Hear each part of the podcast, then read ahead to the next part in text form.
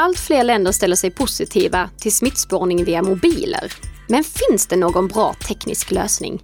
Det är dags för veckans avsnitt av Bli säker-podden.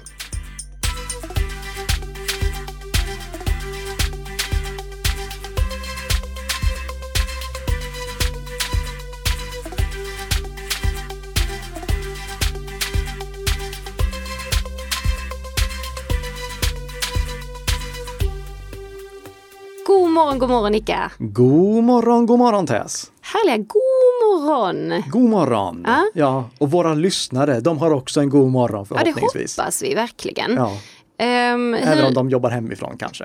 Ja. Inte pendlar till jobbet. Men lyssna på Bli säker-podden ändå och det är vi glada för. Ja, snyggt! Eh, Den här eh, podden produceras ju i samarbete mellan Nicka Systems och eh, Bredband2. Just det. Och vi har ju som vanligt mycket att avhandla. Låt Eller oss hoppa in direkt. Ja, vi kör. Vi Ja. kör. Ehm, varning för falska corona-sms. Det är eh, någonting som vi har pratat om en gång tidigare faktiskt. Mm. Vi pratade om det för, eh, kan det vara tre, fyra avsnitt sedan. Då var det en norrman som hade fått ett eh, falskt sms där det stod att eh, han behövde sätta sig i karantän Ja. och skrämdes givetvis upp av det. Mm. Nu har vi börjat få se de här eh, falska smsen i Sverige också. Eh, tidningen Mitt i Stockholm, de rapporterar till exempel om en person som fick det här smset skickat till sin mobil. Hej! Vi har viktig information till dig om coronavirus, särskrivet. Mm. Gärna kontakta oss med ämne covid-19 till Karolinska instituten at gmail.com och vi återkommer till dig. Med vänlig hälsning, Ingenting eller? Ingenting nej. Nej.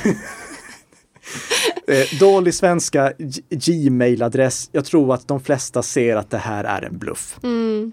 Men det är ju så många som kan få sådana här sms nu.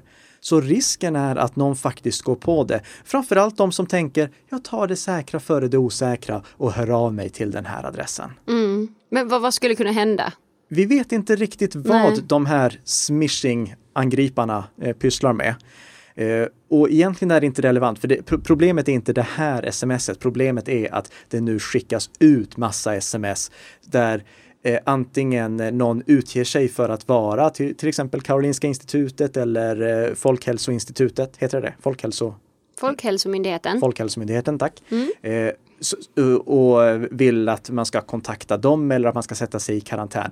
Alla de här sakerna som kommer via sms, kom ihåg, de kan vara bluff. Det går att fejka nummer som eh, det står som avsändare. Det går att fejka namnet som står som avsändare. Så lita inte på någon information som du får via sms. Nej. Eh, från smishing till phishing. Och smishing igen. Där, Ehm, där fick du till det. Tack så mycket.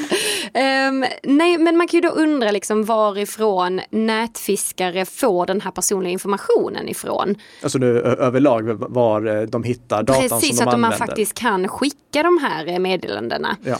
Eh, Lawrence Abrams eh, från Blipping Computer rapporterade i måndags om att 267 miljoner Facebook-profiler har sålts vidare på dark web och i eh, hackerforum. Ehm, informationen innehåller ju inga lösenord och så, men den innehåller annan information som kan vara då namn, telefonnummer, e-postadresser, ehm, ja, lite, lite blandat här, till exempel födelsedatum. Ja. Men detta, vi vill bara så poängtera att detta är inget nytt fenomen. Eh, egentligen att man, eh, att den här datan läcker vidare eller att det säljs vidare. Nej. Och detta är inget specifikt för just Facebook utan detta är någonting som faktiskt händer ganska ofta. Jag har sett samma problem på LinkedIn till exempel. Ja, precis. Ehm, men det är i alla fall eh, bara att, eh, att poängtera att det är bland annat härifrån som nätfiskare kan hämta den här personliga informationen ifrån. Och eh, ja, vi vill bara påminna igen, klicka inte på länkar. Ehm, får du något eh, mail eller sms från någon som du inte väntar dig få någonting ifrån eh, eller att det verkar tydas lite konstigt så klicka inte Nej. och gör ingenting helt enkelt. Precis. Ja. Det, och det gäller alltså även om det finns personlig information som du tänker, hur kan de veta att det här är jag? Men Precis. Det, eh, ska vi säga lita inte på någon? Lita inte på någon, nej gör Nej, inte vi har det. sagt lita inte på vänner, lita inte på någon. Man kommer stå ganska ensam i slutet här. Ja. Ja. Men eh, den 30 eh, april, Mm. då eh, händer det faktiskt någonting. Då släpps Huawei P40 Pro, nya flaggskeppet från Huawei. Oj, oj, oj. Ja, och det trodde inte jag att skulle släppas i Sverige. Nej. Eh, För några poddar sedan då sa jag att jag håller det osannolikt att de kommer lansera den eh, mobilen i Sverige i och med att vi i Sverige är så pass beroende av eh, Play Store, eh, eh, eh, Google. Google. Play. Mm. Google Plays tjänster, Google Plays appbutik. Eh, och det finns ju inte på Huaweis mobiler nu på grund av den här eh, konflikten mellan USA och Kina som gör att Google inte får leverera sina tjänster till Huawei. Just det. Men nu kommer den i alla fall och eh, tidningen Mobil ger den toppbetyg. Wow. Så det- ser lovande ut och den, har, de- den här mobilen har säkert en jättebra kamera och så vidare. Men det den inte har, det är Google Play. Och jag har därför nu inför lanseringen sett flera forum där det diskuteras, okej, hur ska vi göra för att kunna få den här mobilen med alla fördelar som Google Play har? Och det, det, är inte jättebra råd som florerar där ur ett säkerhetsperspektiv. Okej, vill du lyfta några? Ja, eh, först och främst. Huawei har sin egen appbutik, App Gallery. Och därifrån kan du installera appar. Problemet är att den har inte till närheten lika många appar som Google Play. Okej. Så det är ett lite skralare utbud. Eh, Det som finns, som, eller egentligen det finns fyra olika lösningar för att få tag i fler appar. Eh, Först och främst så kan man fulinstallera Google Play Services. Det låter ju inte jättebra. Nej. Eh, Fulinstallera är normalt sett ett ganska negativt laddat ord. Verkligen. Och de guiderna som finns på nätet där det står ladda ner den här filen, kör den på din mobiltelefon, gör på det här sättet för att få in Google Play Services. Gör absolut inte det, för du har ingen kontroll över vad det är som kommer in på din mobiltelefon därigenom. Så och, och om du väljer att köpa en sån mobil som eh, Huawei P40 Pro eller någon annan mobil som levereras utan Google Play Services då ska du bara vara medveten om att då är du utan Google Play Services. Då har du inte eh, till exempel Youtube eller Gmail som appar du kan installera. Eh, det andra sättet, det är att klona appar från en annan mobil. Om man redan har en eh, Android-mobil, då tillhandahåller Huawei en tjänst som gör att du kan klona över den appen från din gamla mobiltelefon till din nya mobiltelefon. Lite bättre. Ja, det låter ju bättre än att filinstallera i alla fall. Men jag hade ändå inte rekommenderat det eftersom du får inga uppdateringar på det sättet. Ah, Och dessutom så fungerar det inte med alla appar för att du får inte det bakomliggande Google Play-tjänsterna eh, utan du får bara själva appen. Så eh, det, det funkar inte med allt. Det funkar med några saker. Eh, Men eh, jag hade ändå varit lite restriktiv med det eftersom du inte får uppdateringar på det sättet. Tredje sättet är att du installerar APK-filerna manuellt. APK-filerna det är alltså eh, eh, installationsfiler till Android, precis som om du vill installera någonting på Windows, då laddar du ner en .exe-fil eller en .msi-fil. Om du vill inst- installera någonting på MacOS, då laddar du oftast ner en eh, DMG-container som innehåller en app. Eh, På Android då är det APK-er som du laddar ner. okej. Och sådana finns eh, även publicerade på eh, vissa utgivares, alltså vissa apputvecklares webbplatser. Det Facebooks eh, egen app kan du ladda ner som en APK-fil om du vill det. Signal kan du ladda ner utan en Där fick du till den. Mm, precis, det får inte missa att nämna Signal. Nej. Eh, Kan du ladda ner som en APK-fil också om du vill göra det. Och det, det, det är ett okej sätt att eh, skaffa sig appar som inte finns i eh, Huaweis appbutik, App Gallery. Men jag hade ändå varit lite försiktig med det, för då är vi tillbaka på samma säkerhetsmodell som vi har på Windows och MacOS, eh, där du installerar appar från massa olika källor och lätt kan missa att eh, antingen en uppdatering någonstans eh, kommer från en felaktig källa eller att du råkar installera en trojaniserad version av en app. Men funkar det då om man skulle in, eh, ha ett antivirusprogram på? Ja, det... Bättre i alla fall. Men, och, och, det kan jag väl säga, eh, i, det, i det fallet, om du installerar APK-filer manuellt, då skulle jag rekommendera att du har ett antivirus eller klientskydd på din mobiltelefon. Men det, det, som jag hade rekommenderat mest av allt, Ja. eh, det är egentligen att du helt enkelt kör webbversionerna av apparna. För de funkar rakt upp och ner. Du kan köra webbversionen av Youtube, du kan köra webbversionen av Gmail. Eh, Du kan till och med lägga till webbversionerna så att det som egentligen är webbvyn paketeras eller visas som om det vore en app. Du får en egen liten ikon, du slipper adressfältet längst upp och så vidare. Eh, Så du, du- kan köra webbversionerna av apparna istället för att köra apparna i sig. Inte kanske lika funktionella, kanske inte lika flytande och perfekta. Men jag skulle se det som kompromissen. Vill du ha den här mobiltelefonen och du vill ha Googles appar, då är det webbversionerna som gäller. Härligt! Ehm, då var vi klara här med eh, veckans eh, snabbisar va? Ja. Eh, så vi, eh, vi går vidare till veckans huvudämne, nämligen att spåra corona med mobilen. Ja. Det här är ett väldigt intressant ämne tycker jag. Ja, Eh, Och jag tror att många av våra lyssnare också tycker det. För mobilen gör att vi kan spåra utbrottet av covid-19 på ett eh, sätt som aldrig varit möjligt tidigare. Alltså förr i tiden och kanske nu fortfarande när eh, Folkhälsomyndigheten eller någon läkare eller någon epidemiolog vill eh, kartlägga hur eh, en infektion sprids. Då får de ju börja med att prata med en person som är infekterad och fråga honom eller henne vilka personer har du varit i kontakt med under de senaste 14 dagarna eller Ja. vad det nu än är. Och jag, kan bara poängtera här innan vi fortsätter. När jag säger att inkubationstiden är eh, 14 dagar så är det inte för att jag är epidemiolog, utan det är för att jag bara har kollat på Folkhälsomyndighetens webbplats där det står citat eh, Inkubationstiden, det vill säga perioden från smittotillfället till dess att en, eh, en person uppvisar symptom, bedöms vanligtvis vara 2 till 14 dagar. De flesta insjuknar cirka 5 dagar efter att man smittats, även om enstaka fall kan avvika från dessa mönster. Eh, ingenting av det som jag säger som är relaterat till sjukdomen i sig är någonting som jag har det minsta koll på. För jag är inte läkare, jag har ingen medicinsk utbildning. Du ska absolut inte lyssna på mig, utan där och du vill inte vara en självutnämnd eh, epidemiolog? Eh, absolut inte. Nej. Eh, så eh, om eh, ni tänker, ja men Nicka sa det, ja fast det var en eh, teknikpratare i en podd. Sådana litar man inte på när det kommer till smittoutbrott. Eh, och det är inte det som vi ska fokusera på heller, utan vi ska fokusera på den tekniska aspekten kring spårningen. Men bara Bara, bara så att alla är med på Ja. banan här. Ja. Ja, okej.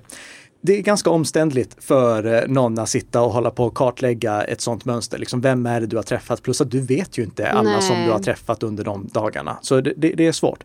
Eh, lyckligtvis kan vi använda mobilen för att göra en sån kartläggning. Men det blir snabbt väldigt integritetskränkande. Verkligen. Man kan göra det på flera olika sätt.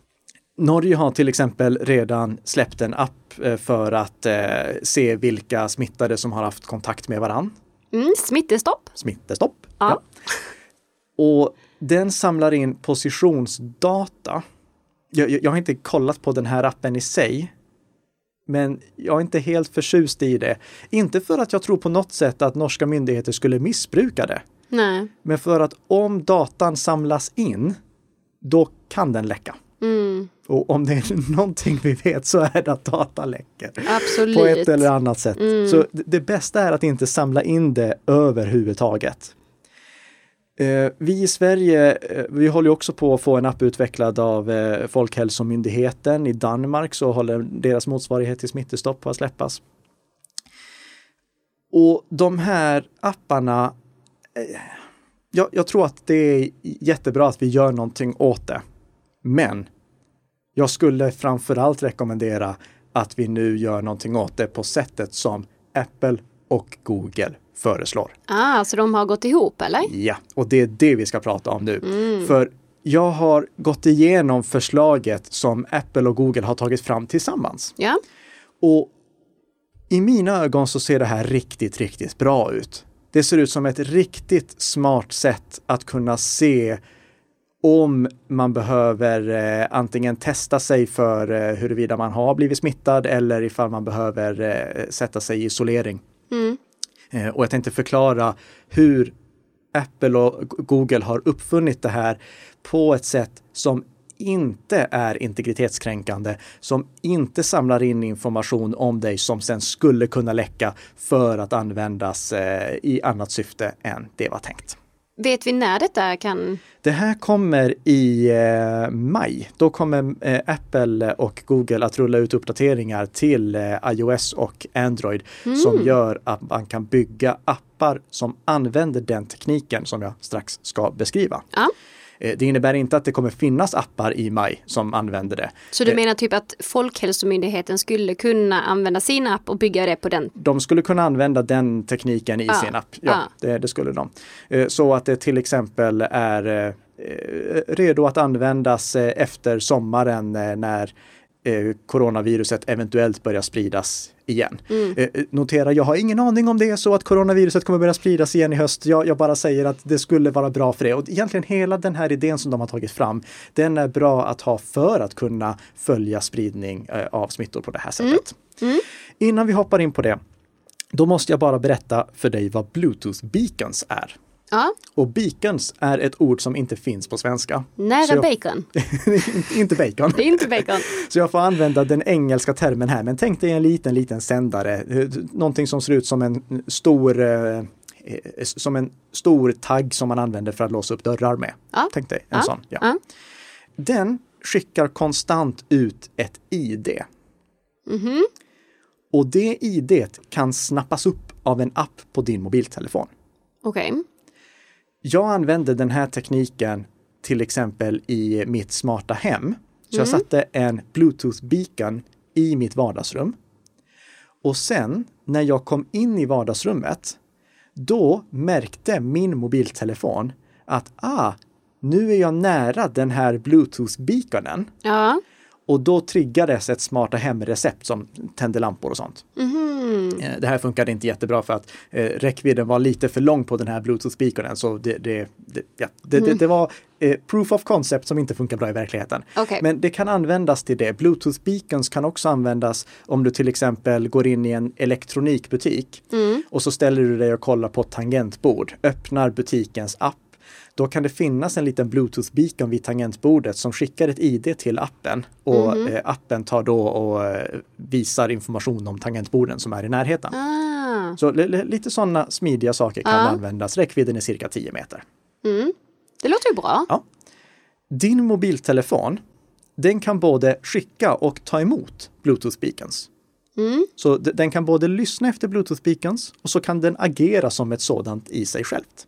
Okay. Så du kan tänka dig att ett sätt som vi skulle kunna lösa det här problemet med att veta vilka som har varit nära varandra utan att använda mobilnätet mm. och utan att använda GPS. Mm. Det är att du hela tiden skickar ut ett Bluetooth-beacon som då till exempel är, eh, låt oss säga, ditt personnummer. Och jag har min mobiltelefon som lyssnar efter sådana här Bluetooth-beacons. Och mm. när vi är inom Bluetooth-räckvidd till varandra, då ser jag ditt eh, utsända ID. Då säger jag okej, okay, Tess Hamark, är det mm. ditt personnummer. Skriver ner att okej, okay, här eh, har vi Tess och vi är på den här signalstyrkan och det är det här datumet. Men... Om det sen visar sig att du har blivit smittad av coronaviruset, ja. då kan jag ju se i min lista över personer att okej, okay, jag har ju varit nära dig. Då börjar jag sätta mig i karantän. Men detta är ju väldigt eh, integritetskränkande. Det är extremt integritetskränkande, ja. ja. Eh, så det här låter inte som någon bra idé ur Nej. ett privacy-perspektiv. Men idén kan göras privacy-medveten. Okej. Okay. Och göra så att vi inte läcker någon känslig information överhuvudtaget. Och detta är någonting som Apple och Google då gör? Eller? Här kommer vi då in på vad de här två ärkerivalerna tillsammans har satt sig ner funderat på och hittat en lösning på. Ja, det är fantastiskt fint tycker jag. Ja. ja. Om det är någon som, eh, eh, som eh, har eh, lust att läsa den tekniska specifikationen så länkar jag till den. Mm. Eh, det ska läggas till att jag har bytt ut termerna som Apple och Google använder till mina egna termer här i podden. Jag ändrar inte innebörden av dem utan jag ändrar bara termerna för att det ska vara lättare att förstå vad det jag syftar på.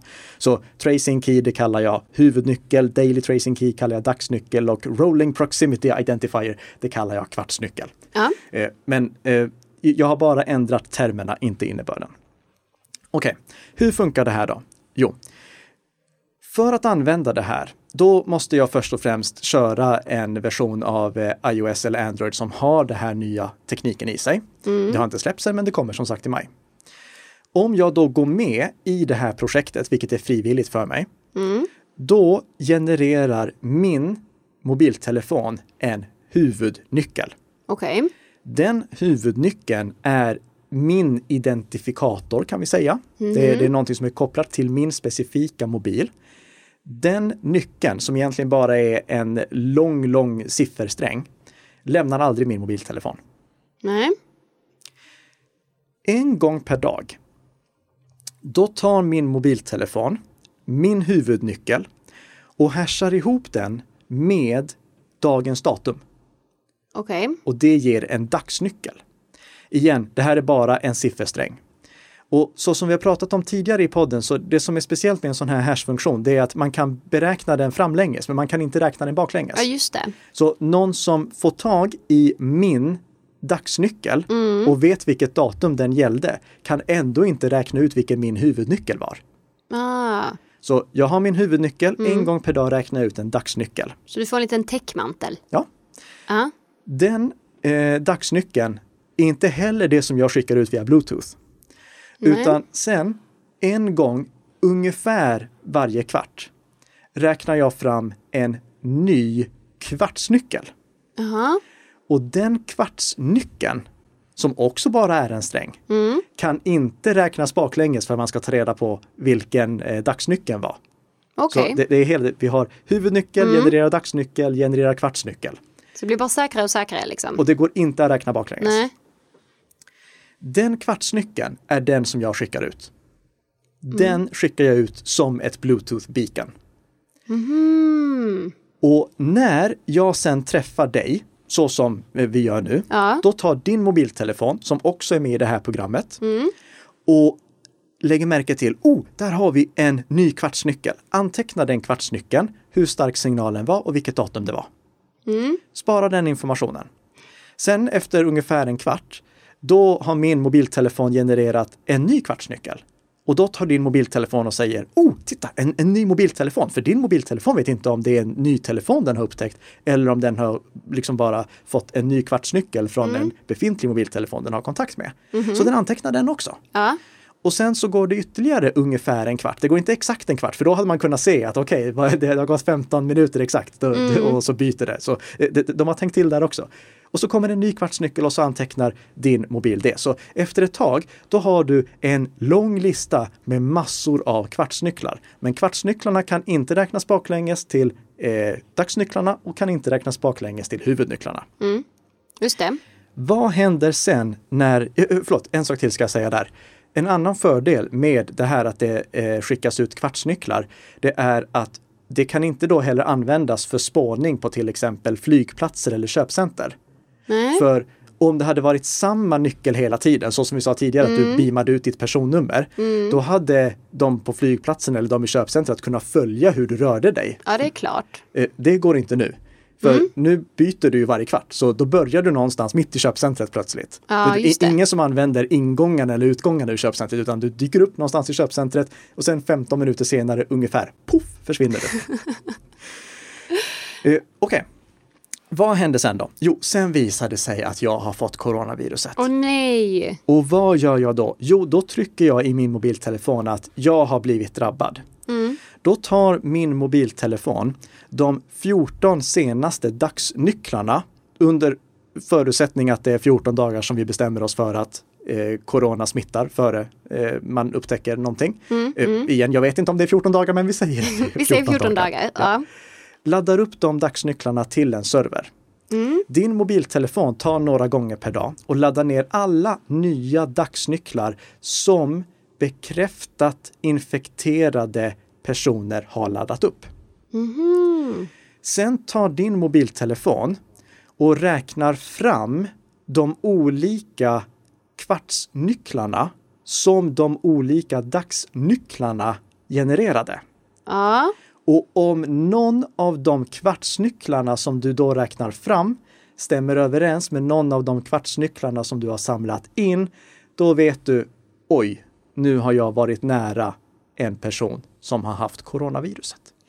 Kommer man få liksom, du får ju inte, du får inte positionen. Nej, det, det, det, här kan ha skett var som helst där du har funnits. Precis, jag kommer liksom inte veta vem du är. Nej. Jag kommer inte veta positionen, men kommer jag veta ungefär när? Ja, det kommer du veta. Mm. Så du, du, du kan veta, okej, det, det, det var ungefär vid den här tidpunkten den dagen Okej. som, som det inträffade. Mm. Men mer än så vet du inte. Och jag laddar inte upp någon information som är kopplad till mig som individ till någon server. Jag laddar bara upp de här eh, dagsnycklarna och dagsnycklarna kan inte räknas tillbaka till huvudnyckeln. Mm. Så det, det är ett väldigt smart sätt att göra att endast personer som eh, behöver få reda på att de har varit nära en coronainfekterad person eller i alla fall har haft en mobil som har varit nära en coronainfekterad persons mobil eh, behöver fundera på att eh, testa sig eller eh, sätta sig i karantän. Jag vet inte vilket av det Nej. som, som händer. Men det, det är ju väldigt, väldigt mycket information. Alltså jag tänker så här, får det plats på, på sin eh, mobil liksom? Jag räknade lite snabbt på det. Aha. Eh, Om man ska ladda ner alla eh, eller s- spara alla dessa kvartsnycklar som man stöter på. Och det blir inte jättemycket för att du behöver ju bara spara typ de 14 senaste dagarnas kvartsnycklar. Du Ja. behöver inte spara längre än så. Eh, Och det är bara 128 bitar, alltså 128 ettor och nollor per kvartsnyckel. Mhm. Så vi pratar alltså om kanske en megabyte med data. Alltså Okej. en, en tusendels gigabyte. Det, Ja, men det, det kan man ju få plats med. det, är mindre än ett foto, så det, är inga problem. Och när det gäller alla dessa dagsnycklar som laddas upp eh, till servrar för de som vill bekräfta att de har blivit infekterade. Mm. Där behöver du inte ladda ner alltså, dagsnycklarna från någon som bor i Kanada, för du kommer inte ha varit nära den personen. Nej. Utan du, du kommer troligtvis bara ta de som är i din region, de som eh, är relevanta för dig att ladda ner. Mm, Okej. Så eh, utrymmet, det, det är inte ett eh, problem. Nej, men alltså det låter ju, det låter ju fantastiskt bra. Mm. Men det lär väl finnas några, finns det inte några risker med det då? Jo, det funkar inte. Eh, Varför kommer vi alltid fram till detta? Det, eh, det, det här funkar jättebra i teorin. Det kommer inte funka i praktiken. Nej, okej. För vi har tyvärr jobbiga människor som vill förstöra. Mm. Så om det är fritt fram för vem som helst att bekräfta sig som coronasmittad, då kommer det svämma över med felaktigt rapporterade dagsnycklar i den här databasen över infekterade dagsnycklar. Och jag tänker också över människor som kanske egentligen inte vill något illa, men som gärna vill testa och se om det funkar. precis. Så det, det, det, datan blir fel. Vi kommer Ja. få massa felaktiga eh, notiser om att du har varit nära en person som har varit infekterad. Mm. Eh, men jag tror att det här går att lösa. Eh, och, om ni som lyssnar på den här podden har en annan lösning på det så skicka jättegärna in tips om det. Eh, om eh, Anders Tegnell också vill, delta här och diskutera och, har någon idé så jättegärna, du är varmt välkommen. Jag skickar upp en desinfekterad mikrofon till dig. Eh, men det, det som jag tänker är att då kanske man måste göra som så att alla länder har sin egen app ovanpå det här som använder principen, men en egen app. Och det ska kanske inte vara så att man själv får bekräfta sig som infekterad, utan det är bara sjukvården som får bekräfta att eh, de här dagsnycklarna är eh, är eh, att de tillhör en mobil vars ägare har blivit bekräftad infekterad. Mm. Då måste ju ens läkare få reda på i och för sig det är inget problem för läkaren ser ju bevisligen att man är infekterad.